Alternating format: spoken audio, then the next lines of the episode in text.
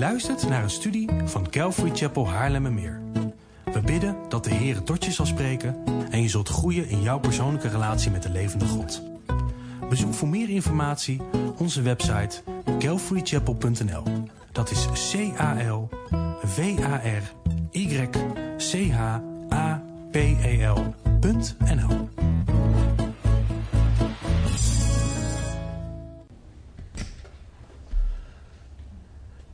Oké, we gaan vanmorgen verder met uh, onze studie Route 66. Waarin wij uh, elk Bijbelboek met elkaar doornemen, zodat we de Bijbel beter leren kennen. Alle verbanden in de Bijbel, want het is eigenlijk één geheel, ondanks dat het 66 boeken zijn. En uh, we gaan daardoor ook God beter leren kennen. We gaan Jezus Christus ook in de schrift zien, wat uitermate belangrijk is. Toen de uh, twee Emmausgangers. Okay. Ja, oké, dankjewel.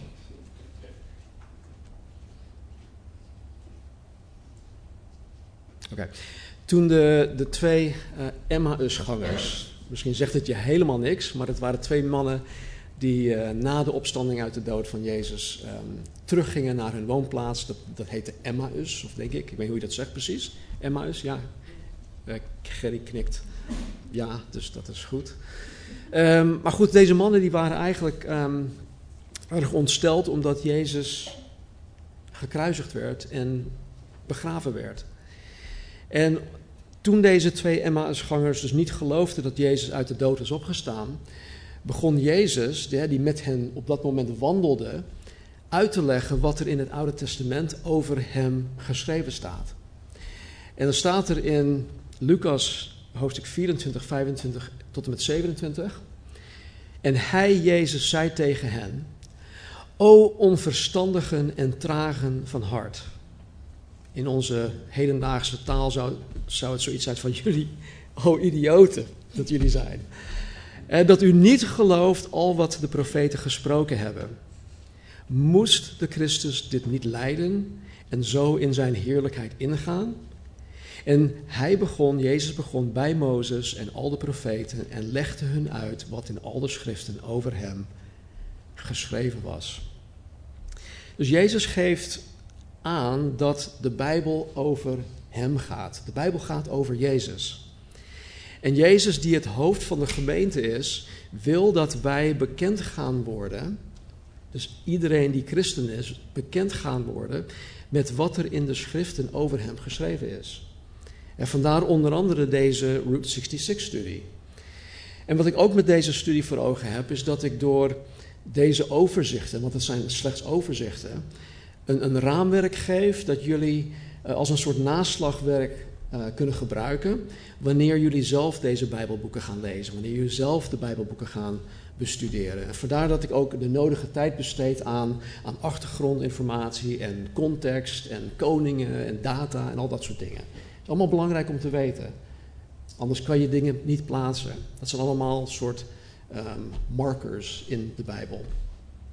En ik hoop jullie hiermee dan ook aan te wakkeren om deze Bijbelboeken op zijn allerminst zelf te gaan lezen. Je, je zal echt versteld staan hoeveel je eruit haalt door het alleen maar te lezen.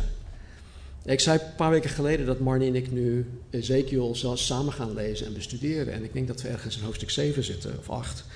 En in die hoofdstukken hebben we elke, elke keer gewoon zoveel eruit gehaald.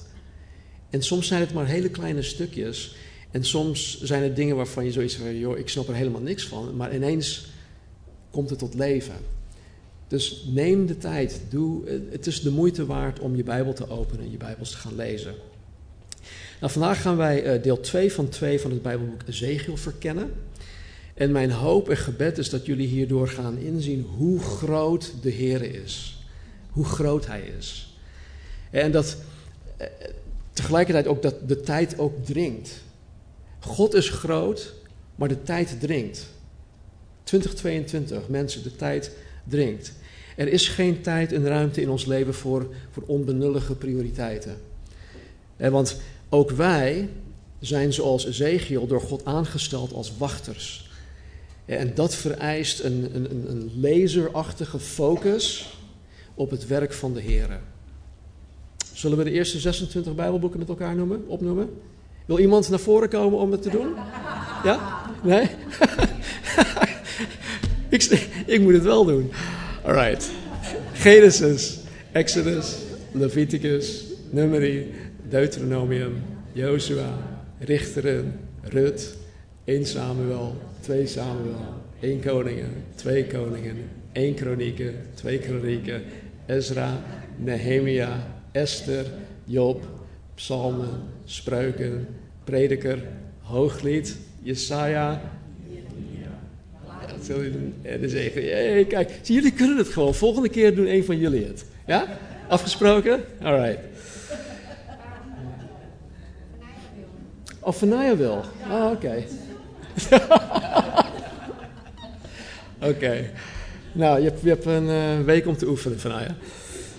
Um, in deel 1 heb ik alle nodige achtergrondinformatie verstrekt, onder andere door de slides die ik heb laten zien. Dus ik zal er nu geen tijd aan besteden.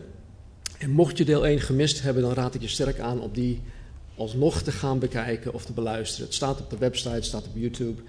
Um, het beste is denk ik als je, als je de video ook bekijkt, want dan worden de slides ook tegelijkertijd geprojecteerd, die, uh, die handig zijn. Um, als je, het vandaag, als je vandaag hier zit en je hebt het nog niet beluisterd, dan, ja, dan zou ik zeggen, nou, ga terug naar, naar, naar, um, naar deel 1 en dan doe twee, deel 2 nog een keer. Nou, van alle profetische boeken is Ezekiel het makkelijkst en, het ook, meest, en ook het meest logisch te verdelen. Uh, dat gezegd hebbend is het, maakt het het niet echt makkelijker om te snappen. Maar deel 1 bevat um, uh, hoofdstukken 1 tot en met 32. En de inhoud van deze hoofdstukken vindt plaats voor de val van Jeruzalem, dus nog voor 586 na, uh, voor Christus. En in dit gedeelte zien wij dus Gods roeping, wat we vorige keer hebben behandeld. We zien Gods oordeel over Juda en Jeruzalem, wat tot in de kleinste details in vervulling is gegaan en nog in vervulling zal gaan. En we zien Gods oordeel over de omringende naties, dat ook tot in de kleinste details in vervulling zal gaan. In het uh, tweede deel, uh, ja, hoofdstukken 33 tot en met 48, uh, de inhoud hiervan vindt plaats na de val van Jeruzalem, dus na 586 voor Christus. Sterker nog, het merendeel van deze hoofdstukken uh, is nu nog toekomstig. Dus het moet nog gebeuren wat er eigenlijk in deze hoofdstukken staat. En in dit gedeelte zien wij Gods beloften aan, aan heel Israël dat God ervoor zal zorgen dat Juda en Israël op een gegeven moment uh, terug zullen keren naar het uh, beloofde land, naar Jeruzalem. Dit is gedeeltelijk vervuld tijdens de terugkeer van Juda, dat wij in, in Ezra en Nehemia hadden gezien toen wij dat doornamen. wat hier nog meer aan bod komt in dit gedeelte is het nieuw verbond in Christus. En we zien ook dat Jezus als goede herder wordt gepresenteerd. We zien de terugkeer van uh, miljoenen Joden naar het land Israël, dat op 14 mei 1948 uh, door de Verenigde Naties erkend werd als onafhankelijke staat. Dat staat allemaal in dit gedeelte. Dat is de terugkeer dat heeft, dat, het heeft gedeeltelijk plaatsgevonden en dat, dat, dat gebeurt nu nog steeds. Ook in dit laatste gedeelte zien wij dat Juda en Israël uiteindelijk dus het verdeeld koninkrijk, Juda en Israël, dat zij uiteindelijk door God herenigd zullen worden. Uh, ja, en door het, ze zullen ook volledig hersteld zijn. En dat is ook nu nog toekomstig. Dat, dat gebeurt nu nog niet. Dat gebeurt pas in de hopelijk niet al te verre toekomst. En tot slot zien wij het visioen dat Ezekiel krijgt over een toekomstige tempel. Daar worden best wel wat hoofdstukken aan uh, gewijd. Ik denk hoofdstuk wat is of 40 tot en met 48 of 42 tot en met 48, een van die twee. Maar hij krijgt dus een visioen over een toekomstige tempel. En dit is dan niet de tweede tempel die, die door Ezra en, uh, of die, die door Zerubabel gebouwd werd in, in het Bijbelboek Ezra. Want die tempel die werd dan um, gerenoveerd en nog, nog groter gemaakt door Herodes. Die tempel is uiteindelijk in 70 na Christus helemaal door Rome verwoest. Die bestaat ook niet meer. Er is nu ook geen tempel meer in, in Jeruzalem. Maar hij krijgt dus een visioen voor, over een toekomstige tempel. En die gaat nu nog komen. Ehm, ja. Even kijken. In deel 1 hebben wij in vogelvlucht gekeken naar Gods roeping van Ezekiel. We hebben gekeken naar de ongekend moeilijk, moeilijke en vaak ook bizarre aard van zijn bediening. Ehm, dat hebben we in uh, deel 1 gezien. en in deel 2 ga ik onder andere inhoudelijk in op bepaalde gedeelten van um. Dus we kunnen niet alles pakken. Ik ga heel veel overslaan. Maar dat moet je zelf maar gaan uh, invullen wanneer je de tijd ervoor neemt om Ezekiel te gaan lezen. Nou, wanneer je Ezekiel leest.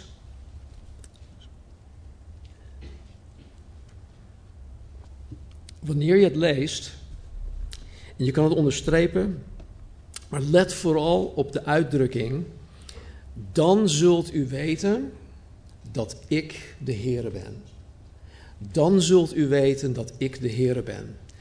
Deze uitdrukking, in alle vormen, komt 63 keer in Ezekiel voor. In de grondtekst. Soms wordt het net iets anders verwoord in Nederlands, waardoor het dan niet meegeteld kan worden. Maar in de grondtekst komt het dus 63 keer voor. En in het hele Oude Testament komt deze uitspraak 77 keer voor. Dus 63 van de 77 keren dat het in het Oude Testament voorkomt, komt het voor in Ezekiel. het, is dus, het is dus niet verwaarloosbaar. Dit is echt iets waar we op moeten gaan letten. En um, doordat Israël en Juda de Here hebben verlogend, dat gebeurde door, over een periode van honderden jaren, doordat zij de Here hebben verlogend en valse goden, die God stinkgoden noemt, dat zij, dat die, die valse goden hebben nagejaagd, wil God door middel van zijn toorn, dus zijn oordeel, en door middel van zijn belofte van herstel, hij wilde duidelijk maken dat hij de enige echte levende God is. En hij doet dat dus door zijn oordeel en hij doet dat door zijn zegen. En telkens staat er dat God iets gaat doen. En wanneer het gebeurt, zullen ze weten dat Hij de Heer is. En het geldt dan niet alleen voor de Joden, het geldt ook voor de heidenvolkeren om hen heen, dus de niet-Joden. God wil op een onmiskenbare wijze laten zien dat Hij en Hij alleen de Heer is. En dit is dan ook de centrale gedachte, het is de, het, eigenlijk het hoofdthema van het Bijbelboek Ezekiel. Nou, ik heb al eerder aangegeven wat de drie ledige hoofdboodschap van de profeten is. Ik ga jullie niet vragen om het uh, op te noemen.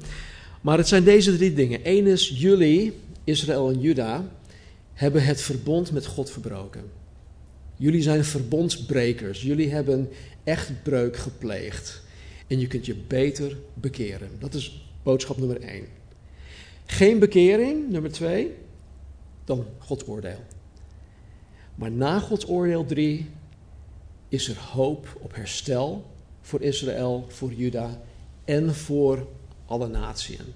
En dat is een terugkerende boodschap dat, dat elke keer in Jesaja, Jeremia, in de kleine profeten elke keer weer terugkomt. En dat, uh, dat komt ook hier terug. Nou, Juda heeft zich door de jaren heen laten misleiden. Het is hun niet over, overkomen. Nee, ze hebben zich laten misleiden door valse goden en valse profeten. En ze hebben deze valse goden en deze valse profeten hebben ze gewoon nagejaagd. Want deze valse profeten die vertelden hun wat ze juist wilden horen. Terwijl de echte profeten van God de dingen vertelden die ze eigenlijk niet wilden horen. dus uh, het gevolg daarvan was dat zij de ware God niet eens meer konden onderscheiden van alle andere valse goden. Ze waren het echt helemaal kwijt. Ze kenden God niet meer. Ze konden geen onderscheid maken tussen de ware God en de valse goden. En daarom was God genoodzaakt om te doen wat hij zei dat hij zou doen als Juda God de rug toekeerde. En, en dit staat allemaal beschreven in Deuteronomium. Het is uh, als je dit doet, dan dat. Als dit, dan dat. dat. Dat staat er elke keer opnieuw. Als je het goede doet, dan krijg je zegen. Als je het slechte doet, dan krijg je te maken met mijn oordeel. Maar God is heel geduldig geweest. Dit heeft echt honderden jaren geduurd voordat God nu uh, ingrijpt. En God is ook met ons geduldig. Um, dat staat bu uh, buiten kijf. Ja? ja? Um, ja, de enige manier om Juda nog te kunnen bereiken was om te doen wat God zei dat hij zou doen. Met andere woorden, hij heeft het gezegd. En als hij dat niet doet, dan hebben ze zoiets van: ja, wie is die God dan? Dus hij moet doen wat hij zei hij zou doen. En helaas moest God zijn toorn over Juda uitstorten. En dit, en dit alleen heeft eigenlijk uiteindelijk hun aandacht gekregen. Tot op het moment dat Jeruzalem viel, dus hoofdstuk 25 in Ezekiel, hadden ze nog steeds zoiets van: Weet je, we hebben nog steeds hoop dat we één deze dagen weer teruggaan naar Jeruzalem. Terwijl uh, Ezekiel tien jaar lang had gezegd: Nee, mensen, jullie gaan niet terug naar Jeruzalem. God gaat Jeruzalem verwoesten. Het is einde oefening. En tot dat gebeurde, geloofden ze dus niet dat God zou doen wat hij zei dat hij zou doen. En kijk, wanneer wij die wedergeboren zijn, volharden in het najagen van valse goden, want dat doen wij ook, dat kunnen wij ook doen.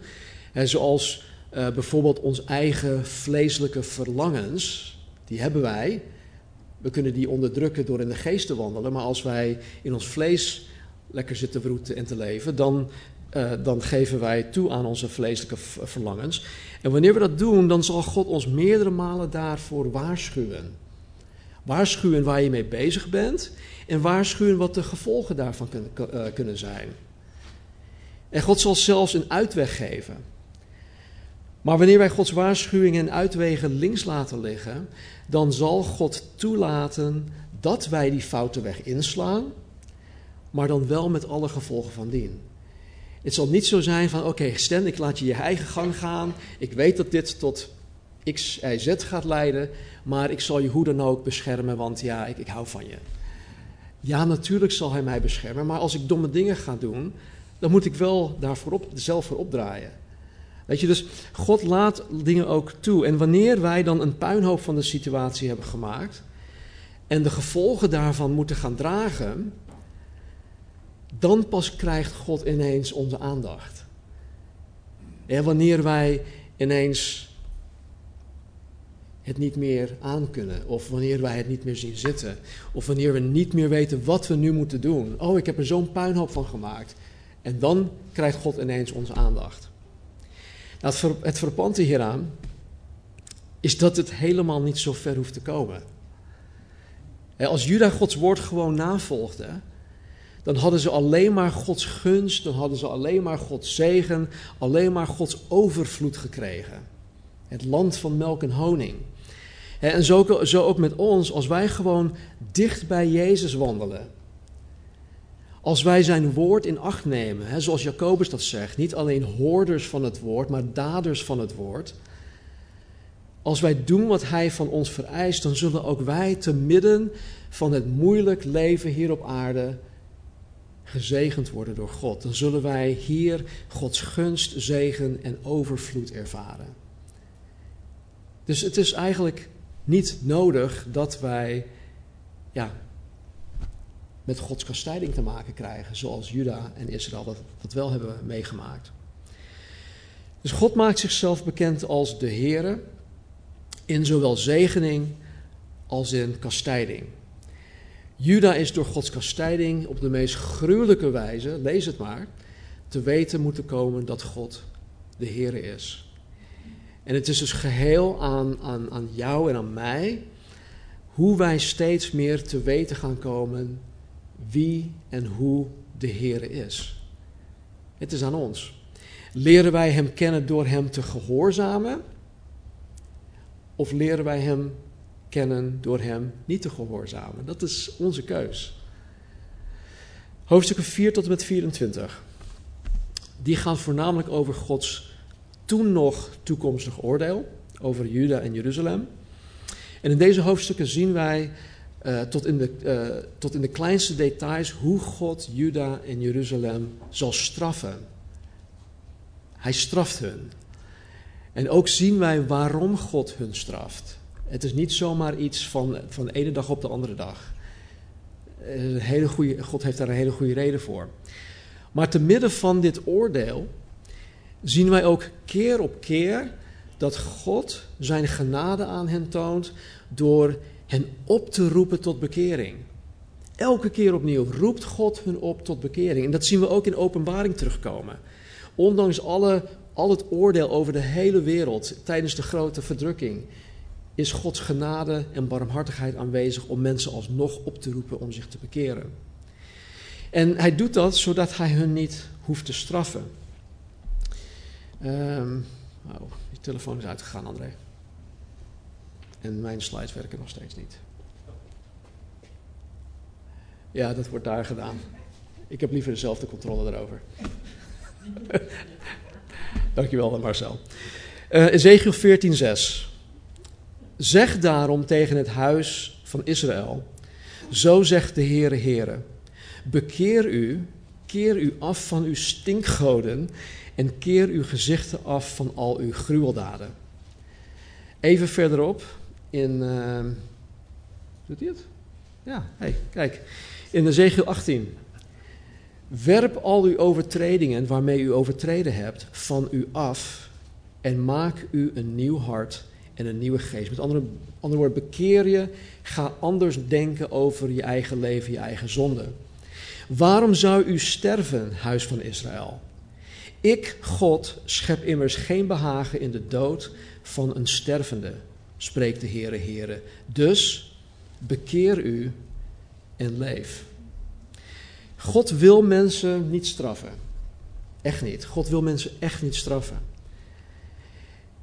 En, en maar we zien dus in, in, in Ezekiel dat hij dat wel doet. En God zegt hier in, in, in, vers 20: De mens die zondigt, die zal sterven. Dus er is een gevolg van zonde. En dat, ik weet dat jullie dit weten, ik hoef er niet elke keer op, op te hameren. Maar gelukkig voor ons, wij die in deze bedeling uh, leven, de bedeling van genade, heeft God onze straf, de straf die wij verdienen, Hij heeft die straf op Jezus gelegd. Dus in het Oude Testament moesten de mensen nog steeds voor zichzelf, voor hun eigen zonde boeten. Wij hoeven dat niet meer. Onze straf is op Jezus gelegd. Wij hoeven dus niet, uh, wat ik net zei, voor onze eigen zonde te boeten. Wel moeten wij, uh, of moet de mens zich anno 2022 bekeren. Mensen moeten zich nog steeds bekeren van hun zondig leven, waarin zij dus geen rekening met God houden. De mens moet zich anno 2022 bekeren van het niet te willen geloven in de God van de Bijbel. En ze moeten zich van hun ongeloof bekeren tot het aanvaarden van het evangelie. Dat zegt dat Jezus 2000 jaar geleden gekomen is om de mens te vergeven van al zijn of haar zonden en om, om hem en haar te redden van de dood. Um, even een kanttekening. Ezekiel 18, voor degenen die dit interessant vinden, geeft ons een duidelijk beeld van de persoonlijke verantwoordelijkheid van de mens tegenover God. Dus als je wil weten hoe God de mens verantwoordelijk houdt en waarom, dan kan je dat in uh, hoofdstuk 18 van uh, Ezekiel lezen. Nou, in hoofdstuk 8 en 9 krijgt Ezekiel te zien hoe de leiders van Jeruzalem zich misdragen. Dat deden ze ook. God spreekt telkens over hun gruweldaden. En maar, in plaats van dat deze leiders. Um, ja, in plaats van dat zij hun eigen gruweldaden erkennen, zeggen zij het volgende. De Heere ziet ons niet. De Heere ziet ons niet. De Heere heeft het land verlaten. Hij ziet ons niet. Hij heeft het land verlaten. Deze mensen waren dusdanig afvallig geworden dat zij totaal geen vrees voor God meer hadden. En sterker nog, ze zeiden hiermee gewoon dat God voor hen niet bestond. God ziet het niet, God is er niet, ik geloof niet meer in God. En maar zoals we lezen, zal God wel degelijk laten zien dat Hij bestaat en dat Hij de Heer is. God heeft altijd, altijd het laatste woord. Nou, alhoewel dit, wat ik net voorlas, zo'n 2600 jaar geleden gebeurde, is de mens, ondanks alle ja, uh, zeg maar, uh, vooruitgangen, laat ik het even zo noemen, tussen aanhalingstekens, is de mens in het diepst van zijn binnenste niet veranderd. De mens in het diepst van zijn binnenste is precies hetzelfde anno 2022 als 570 voor Christus. In Galaten 6, um, vers 7 en 8 zegt Paulus dit. Maak u niet wijs. God laat niet met zich spotten. Wat een mens zaait, zal hij ook oogsten. Wie zaait op de akker van zijn zondige natuur, zal van die natuur verderf oogsten. Wie zaait op de akker van de geest, zal van de geest eeuwig leven oogsten. Met andere woorden, kijk, God laat niet met zich spotten, dat is duidelijk. En als je dan door het leven gaat, zonder dat je acht slaat op de God van de Bijbel, en zoals hij zich zichtbaar heeft gemaakt in Ezekiel, dan zal je daar zelf voor moeten opdraaien. Je zal daar zelf voor moeten opdraaien. Dan zal je zelf moeten boeten voor je eigen zonde. En dan zal God jou in het hiernamaals oordelen op basis van wat je met zijn reddingsplan, zijn redder, Jezus Christus, gedaan hebt. Dan zal je verderf oogsten, wat Paulus hier bedoelt. Terwijl, als je het juiste kiest, als je, als je je tot God bekeert en het evangelie van Christus aanvaardt, dan zal je niet alleen een voldaan leven hier op aarde ervaren, maar dan zal je je berusten in het volbracht werk van Jezus Christus aan het kruis, dat je volkomen vrij spreekt van al je zonden. Al je zonden. En ook de straf daarvoor. En je zal tegelijkertijd ook eeuwig leven beërven. Kijk, wat, wat Israël onderscheidde van alle andere volkeren en naties, was de aanwezigheid van God in hun midden. God zei in, in Exodus en in Deuteronomium: Ik zal bij jullie zijn, ik zal met jullie zijn. Jullie zullen mijn volk zijn, ik zal jullie God zijn. En het verbond hield onder andere in dat God met hun zou zijn. Hij zou met hun gaan. En dat was hij ook. Hij ging ook met hun. En zijn glorie, wat zijn aanwezigheid inhield, was gewoon al die tijd met Israël. Maar omdat Israël en Jude het verbond uh, hadden verbroken, trok God zich terug. Hij zei tot zover en niet verder. En nu ben ik klaar met jullie. En hij trok zich terug. En in hoofdstuk 10 zien wij dat de glorie van God, de aanwezigheid van God, uit de tempel ging richting het oosten. En in hoofdstuk 11 zien wij dat Gods glorie de stad Jeruzalem geheel verliet. God was vertrokken. God was vertrokken. En pas toen Jezus weer in de tempel terugkwam, toen hij hier op aarde was, was Gods glorie tijdelijk teruggekeerd wanneer hij naar de tempel toe ging. Maar uiteindelijk zal Gods glorie pas in het millennium, in het duizendjarige rijk, terugkeren in de tempel, wat ook in de zegel beschreven staat. Maar goed, ondanks zijn vertrek geeft God Israël nog steeds echte hoop. En hij doet dat niet omdat Israël zo geweldig is, niet omdat Juda zo lief is, nee. Hij doet dat omdat hij het eenzijdig verbond dat hij met Abraham in Genesis 15 had afgesloten, omdat hij dat niet wil verbreken en hij zal het ook nooit verbreken. Dat was een eenzijdig verbond. God zei: Ik zal dit doen. Terwijl het Mosaïsverbond tussen Israël en God, dat was een tweezijdig verbond. Zij konden het verbond verbreken, wat, we, wat ook blijkt. Maar dit eenzijdig verbond wat God, aan Abraham had, wat God met Abraham had gesloten, dat kwam van God vandaan en hij zal dat nooit verlogen. Hij zal zichzelf daar nooit in verloochenen. Hij houdt zich gewoon aan zijn afspraken. En dan staat er in Ezekiel 11, uh, vers 19 en 20. Uh, sorry, deze. Ik zal hun, Israël, één hart geven. Um, één hart geven. Met andere woorden, ze zullen gelijksgezind zijn. Ze willen allemaal hetzelfde. En een nieuwe geest in hun binnenste geven. Ik zal het hart van steen uit hun vlees wegdoen en hun een hart van vlees geven. Zodat ze in mijn verordeningen gaan en mijn bepalingen in acht nemen en die houden. Dan zullen ze mij een volk zijn en zal ik hun een God zijn.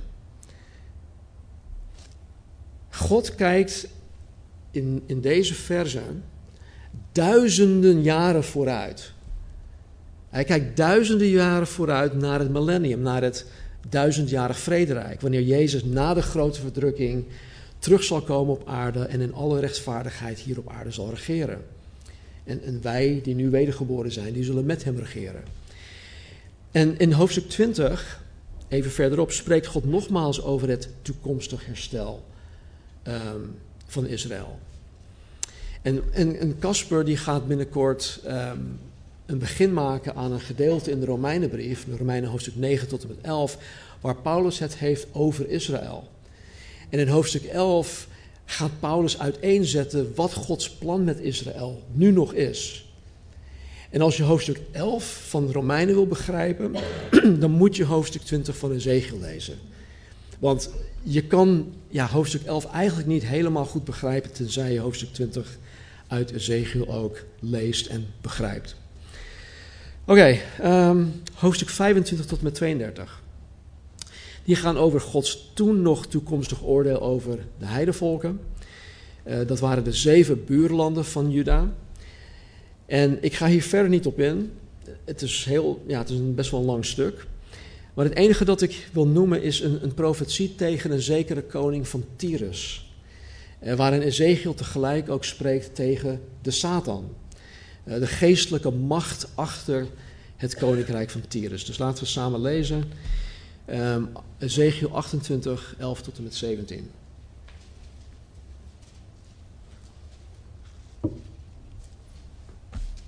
Het woord van de Heere kwam tot mij. Mensenkind, hef een klaaglied aan over de koning van Tyrus en zeg tegen hem: Zo zegt de Heere Heere, u, toonbeeld van volkomenheid, vol wijsheid en volmaakt van schoonheid u was in Eden, de hof van God. Allerlei edelgesteente was uw sieraad: robijn, topaas, diamant, turquoise, onyx, jaspis, saffier, smaragdbeel en goud. Het werk van uw tamboerijnen en uw fluiten was bij u. Op de dag dat u geschapen werd, waren ze gereed. U was een gerub die zijn vleugels beschermend uitspreidt. Daarvoor heb ik u aangesteld. U was op Gods heilige berg.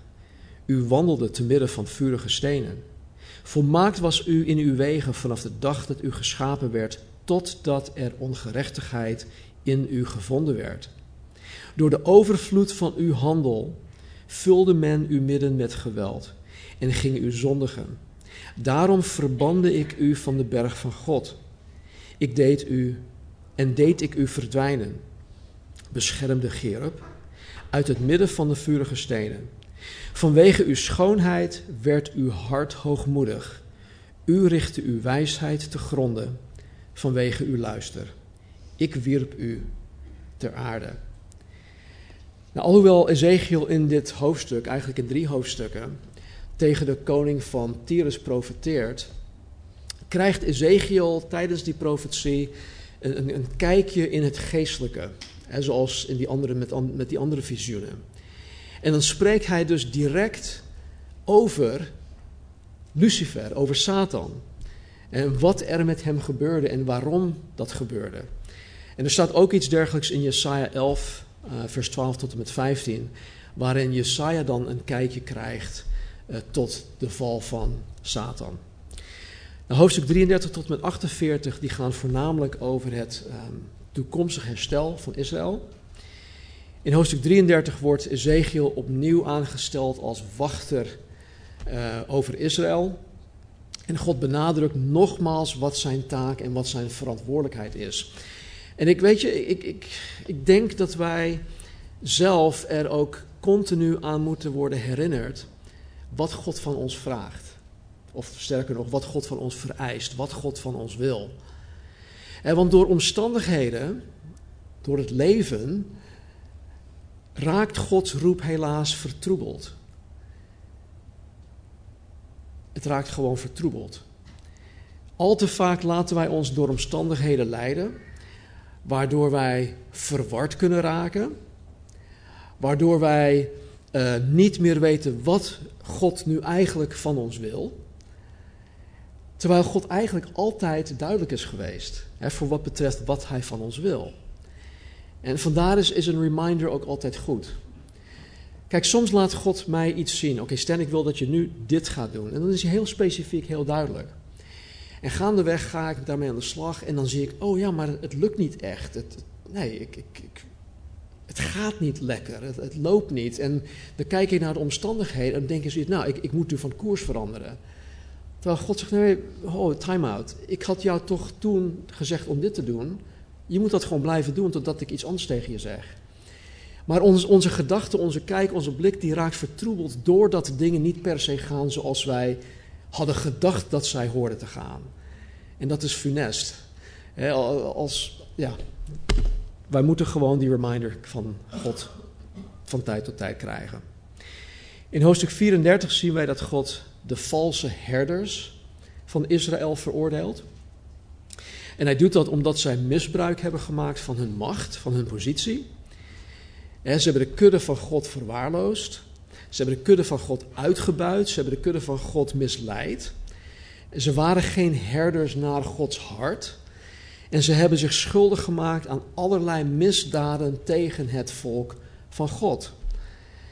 Ze hadden Gods kudde niet gewijd. Ze hadden Gods kudde niet gevoed met Gods woord. Ze hebben het volk misleid, wat ik net ook zei.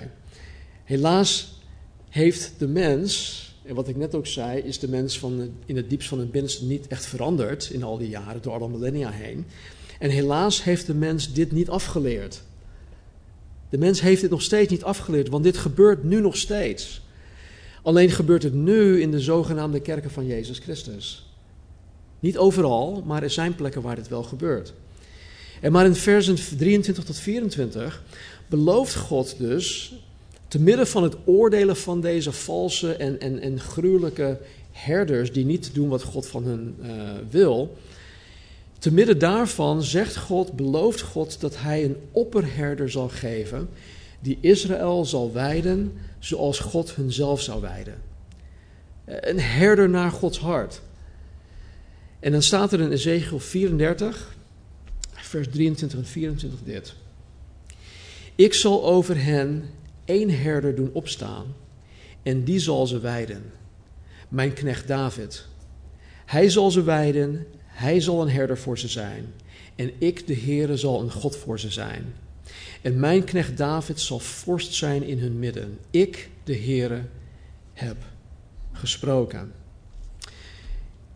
In dit gedeelte en dan ook in hoofdstuk 37 maakt God de belofte aan Israël om hen te voorzien van de, de goede herder. De goede herder Jezus Christus. En door koning David te noemen geeft, geeft God aan dat deze de, uh, de, de lang beloofde Davidische Messias zal zijn. Weet jullie nog, toen uh, koning David de tempel wilde gaan bouwen, toen zei, hij, nee, toen zei God tegen hem, nee, jij mag het niet bouwen, ik laat het je zoon bouwen, want... Maar toen gaf God David een belofte. En de belofte aan David was, vanuit jouw uh, nakomelingen zal de Messias voortkomen. En dit is waar God het dan over heeft. En hoe geweldig zal het dan zijn wanneer Jezus in alle gerechtigheid Gods mensen zal wijden in alle rechtvaardigheid ook zal gaan regeren. Um, hoofdstuk 36. Het thema van dit hoofdstuk is Israëls fysiek herstel in het beloofde land. Ze zullen het land allemaal terugkrijgen, ze zullen weer teruggaan naar het land. En tegelijkertijd ook Israëls geestelijk herstel. En in dit hoofdstuk zien wij de toekomstige vervulling van het nieuw verbond uit Jeremia 31. Dat is één. En we zien dat God uh, hen ook het land belooft. En we zien dat God hun zal vergeven van al haar zonden. En dat God hun zijn heilige geest zal gaan geven. Dit zijn nog allemaal toekomstige dingen. Tenzij een Jood anno 2022 zijn leven aan de Heer Jezus geeft, dan is dit eigenlijk nu al van toepassing in de zin van dat Hij de goede herder zal zijn en dat zij door de Heilige Geest vervuld zijn of zullen worden. Hoofdstuk 37, een heel interessant stuk voor jullie die het ooit hebben gelezen. Um, in dit hoofdstuk, in 37, krijgt Ezekiel twee visioenen die het herstel van hoofdstuk 36 uh, eh, illustreren. Dus in hoofdstuk 36 zegt God: Ik ga jullie herstellen. En dan in hoofdstuk 37 geeft hij daar een illustratie van, hoe hij het gaat doen. Laten we samen lezen, het is best wel een lang stuk. Uh, hoofdstuk 37 vanaf uh, vers 1 tot en met 14. De hand van de Heere was op mij. En de Heere bracht mij in de geest naar buiten en zette mij neer midden in een vallei. Die lag vol beenderen. Hij deed mij er aan alle kanten omheen gaan. En zie, er lagen er zeer veel op de grond van de vallei. En zie, ze waren zeer dor. Hij zei tegen mij, mensenkind, zullen deze beenderen tot leven komen? En ik zei, Heere, Heere, u weet het. Toen zei hij tegen mij, profeteer tegen deze beenderen en zeg tegen hen, dorre beenderen, hoor het woord van de Heere.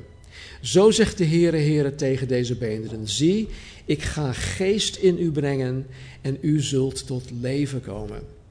Ik zal pezen op u leggen, vlees op u doen komen en huid over u heen trekken en geest in u geven, zodat u tot leven komt. Dan zult u weten, hier komt het, dat ik de Heere ben. Toen profeteerde ik zoals mij geboden was en er ontstond een geluid zodra ik profeteerde en zie een gedruis. De beenderen kwamen bij elkaar, elk been bij het bijbehorende been. En ik zag en zie, er kwamen pezen op, er kwam vlees op en hij trok er een huid overheen, maar er was geen geest in hen. Hij zei tegen mij, profeteer tegen de geest, profeteer mensenkind. Zeg tegen de geest, zo zegt de Heere, Heere, geest, kom uit de vier windstreken en blaas in deze gedoden, zodat zij tot leven komen. Ik profeteerde zoals hij mij geboden had. Toen kwam de geest in hen en zij kwamen tot leven. Ze gingen op hun voeten staan, een zeer, zeer groot leger. Toen zei hij tegen mij: Mensenkind, deze beenderen zijn heel het huis van Israël. Zie ze zeggen: Onze beenderen zijn verdord en onze hoop is vergaan. Wij zijn afgesneden. Profeteer daarom en zeg tegen hen: Zo zegt de Heere, Heere, zie, ik zal uw graven openen, ik zal u uit uw graven doen oprijzen, mijn volk, en ik zal u brengen in het land van Israël. Dan zult u weten dat ik de Heere ben, als ik uw graven open en als ik u uit uw graven doe oprijzen, mijn volk. Ik zal mijn geest in u geven, u zult tot leven komen en ik zal u in uw, hand, in uw land zetten. Dan zult u weten dat ik de Heere dit gesproken en gedaan hebt, spreekt de Heere. Dit bijzonder visioen illustreert het, wat ik net ook zei, het, uh, illustreert het fysiek en geestelijk herstel van, van Israël. Hè, dat in hoofdstuk uh, eh, 36 uitgelegd werd. En God geeft hiermee aan dat, dat Hij, en Hij alleen, bij machten is het doden tot leven te brengen. En kijk, dit is voor ons, anno 2022, een, een mega grote waarheid waar wij ons aan moeten vastklampen. Want de Bijbel verklaart, ieder mens, ieder mens die ooit geboren is, als een dode. De Bijbel verklaart ieder mens die ooit geboren is als een dode. En die dode moet tot leven gebracht worden. Aan de wedergeborene christenen in Efeze schrijft Paulus dit. Eens was u dood. Eens was u dood. Door uw overtredingen en zonden. U richtte u naar deze slechte wereld en liet u leiden door het hoofd van de onzichtbare machten. Door de geest die nu werkt in hen die zich tegen God verzetten. Dus tegen de Satan. Eens was u dood. Voordat ik door de geest van God levend gemaakt werd, voordat ik door de geest van God wedergeboren werd, was ik een dode. Ik was net zo dood als die dode beenderen in die vallei. Ik was geen enkel beetje levendiger of levender dan die dode beenderen. Ik was geestelijk dood. En een dode die kan helemaal niets. Een dode kan niets. Een dode kan zelfs niet tot geloof komen. Maar God, God die bij machten is om leven te geven aan de doden, en zoals die in het visioen van Ezekiel, die doden, heeft mij levend gemaakt. God Almachtig heeft mij levend gemaakt. Hij heeft mij ook leven en eeuwig leven en overvloed gegeven. En dat is alleen maar mogelijk wanneer de geest van God mij uit de dood doet opstaan en mij leven geeft. Dat is de wedergeboorte. En deze waarheid is, is zo bemoedigend, omdat misschien hebben jullie al jarenlang voor iemand, een dierbare, gebeden. dat die persoon tot redding gaat komen. En misschien bid je al zo lang, het is iemand die nu nog dood is. En misschien zie je totaal geen beweging in die beenderen van die persoon. In het visioen zag je, uh, lezen we dat, dat op een gegeven moment, toen, toen Ezekiel aan het profeteren was, dat die beenderen ineens zich verzamelden en, en ze, ze sloten aan elkaar. En het werd een, een volledig skelet en pezen en, en vlees kwam eraan. Maar misschien zie jij dus totaal geen beweging bij die persoon. Misschien is, het, is die persoon in jouw ogen nog steeds dood en die zal waarschijnlijk altijd dood blijven. Die is niet te redden. Ik ken dat soort mensen in mijn leven.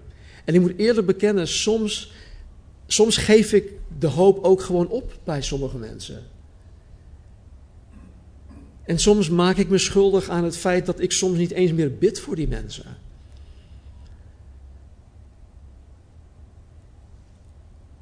Maar we moeten weten dat God leven kan geven aan die doden. Ik was net zo dood als zij het nu nog steeds zijn. En God heeft mij levend gemaakt. Ik ben het bewijs dat God het kan doen. Ik werd levend gemaakt op het door God bepaalde tijdstip. Ik werd niet levend gemaakt wanneer Marnie het wilde, of, wanneer onze oudste dochter Christine het wilde, of wanneer mijn moeder of wanneer mijn broers en zussen dat wilden. Nee, ik werd levend gemaakt op het door God bepaalde tijdstip. Dus geef die hoop alsjeblieft niet op. Ik weet dat jullie dit soort mensen kennen. Geef die hoop niet op. God brengt vandaag de dag nog steeds dode mensen tot leven. Dus blijf bidden voor die persoon of personen. Blijf getuigen wanneer je de mogelijkheid daartoe krijgt. En blijf vooral hopen. Oké, in de tweede helft van hoofdstuk 37, daar zien wij dat God in de toekomst de Joden uit heel de wereld zal verzamelen en hen terug zal brengen naar het beloofde land Israël. En dat hij Israël en Juda het verdeeld koninkrijk uiteindelijk weer zal herenigen. En wat ik zo even ook al zei, is deze profetie gedeeltelijk in vervulling gegaan toen Israël in 1948 door de Verenigde Naties erkend werd als een soeverein land. Sindsdien zijn er miljoenen Joden naar Israël gekomen en er komen vandaag de dag nog steeds Joden van alle plaatsen in de wereld naar Israël toe om zich daar te vestigen. Hoofdstukken 38 en 39. Die zijn vanuit een nog toekomstig profetisch oogpunt super interessant. In de toekomst, ik hoop dat het in de niet al te verre toekomst zal zijn, maar in de toekomst, tijdens de eerste helft van de grote verdrukking, wanneer Israël een vredesakkoord zal aangaan met de antichrist, ehm, zal Israël in vrede leven. Israël zal eindelijk vrede hebben. geen ellende meer met bijvoorbeeld de Gazastrook of de westelijke eh, Jordaan-oever. Geen uh, Katusha-raketten meer uh, die afgevuurd worden in Israël. Geen bomaanslagen in de bussen en dat soort dingen meer. En ook geen ruzie meer met haar buurlanden. Gewoon vrede. Het zal gewoon vredig zijn.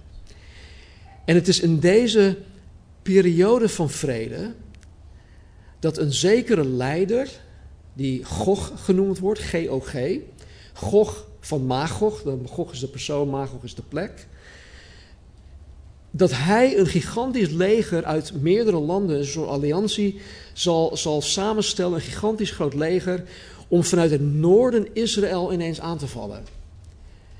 En er staat er dat, dat Israël aangevallen wordt zoals zij nooit tevoren aangevallen waren.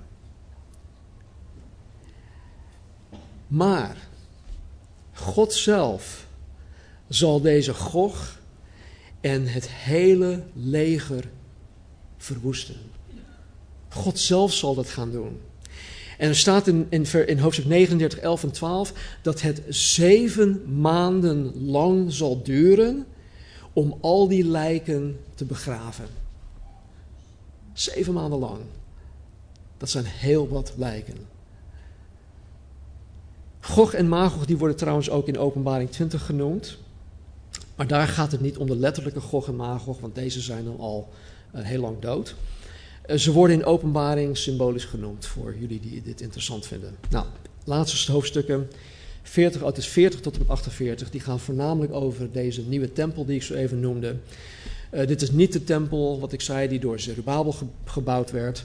Het zal een uh, nieuwe tempel zijn die tijdens het millennium, het duizendjarig, duizendjarig rijk, uh, vrederijk gebouwd zal worden. En er staan heel veel details in deze hoofdstukken over afmetingen en, en, allerlei dingen. Um, uh, details over de tempel zelf. Er staat ook dat er offers gebracht gaan worden in deze periode. En dit is een studie op zich, dus daar ga ik nu niet dieper op in. Maar tot slot dit. Het hoofdthema van Ezekiel is gebaseerd op de uitdrukking van God. Dan zult u weten dat ik de Heere ben.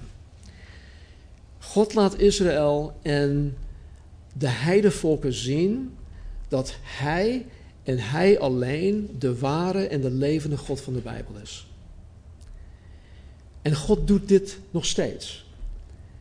God doet dit nog steeds en Hij zal dit ook blijven doen tot, eind, tot het einde der tijden. En zelfs degenen die nu niet in God geloven en als ongelovigen zullen sterven, zullen in het hiernamaals te weten komen dat Hij en Hij alleen de Heer is.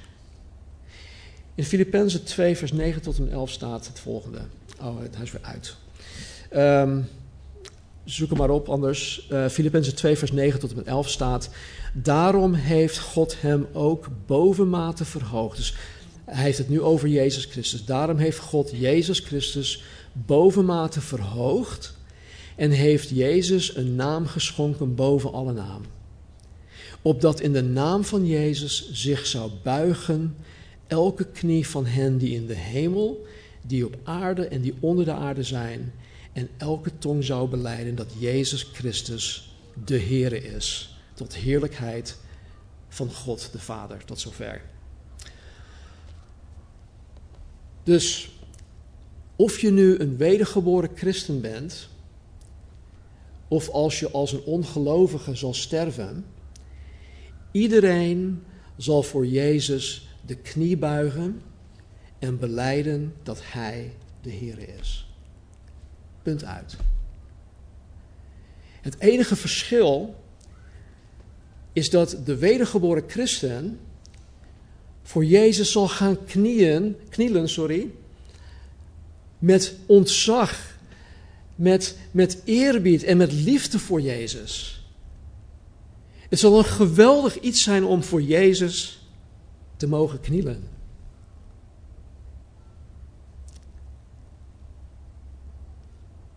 Maar degene die als niet-gelovige zal sterven, die zal ook voor Jezus gaan knielen. Alleen zal die voor Jezus knielen met heel veel angst. Met heel veel vrees en beven. Waarom? Omdat het oordeel hem en haar te wachten staat. Maar iedereen zal gaan knielen voor Jezus Christus en beleiden dat Hij de Heer is. En de keus is aan ons. De keus is aan jou, de keus is aan jou. Hoe wil jij straks gaan knielen voor Jezus? In liefde of in angst? Laten we bidden. Hemelse Vader, dank u wel voor wie u bent. Heer, voor uw trouw, uw geduld. Dank u wel dat u de Heer bent en dat u dat elke dag opnieuw aan ons wilt tonen. Niet alleen theoretisch, Heer, maar in de praktijk. En ik dank u, Heer, dat u zo getrouw bent dat u uzelf kenbaar wil maken in zowel uw toorn, uw oordeel, als ook in uw liefde en uw genade en uw barmhartigheid. Dus Heer, voor degenen die u nog niet kennen, Heer, trek deze mensen naar u toe. Open hun ogen. Heer, ze zijn dood. Ze moeten tot leven gebracht worden. En alleen uw geest kan hen tot leven brengen, Vader. U weet dat. Dus ik bid, Heer, op dit moment dat degenen die nu nog dood zijn, die of meeluisteren of mee gaan kijken of het naderhand gaan bekijken of beluisteren, Heer, trek hen naar u toe. Maak hun levend. Maak hun wedergeboren. Heer, dank u wel voor Ezekiel, voor zijn voorbeeld. Dank u wel dat u tot 63 keer aan toe had gezegd dat ze zullen weten dat u de Heer bent. Heer, maak uzelf kenbaar aan ons. Doe wat u met ons wil. Doe wat u door ons heen wilt doen. Vervul ons met uw geest zodat we de begeerte van het vlees niet zullen um, navolgen. Dank u wel, Vader, in Jezus' naam. Worden een paar liederen gezongen. Um, als je wil dat er met je voor je gebeden wordt, dan zullen er een aantal mensen langs de achterkant van de zaal staan. Um, Iedereen heeft gebed nodig, dus misschien moeten we met z'n allen gewoon naar achteren toe gaan. Uh, maar maak er gebruik van. Maak er gewoon gebruik van. En dan wil ik afsluiten met dit stukje uit um, Hebreeën hoofdstuk 13. De God nu van de vrede, die de grote herder van de schapen, onze Heer Jezus Christus, uit de doden heeft teruggebracht, op grond van het bloed van het eeuwig verbond, mogen u toerusten tot elk goed werk om zijn wil te doen en in u werken wat in zijn ogen wel behagelijk is, door Jezus Christus. Hem zij de heerlijkheid in alle eeuwigheid. Amen. Wat zeggen jullie?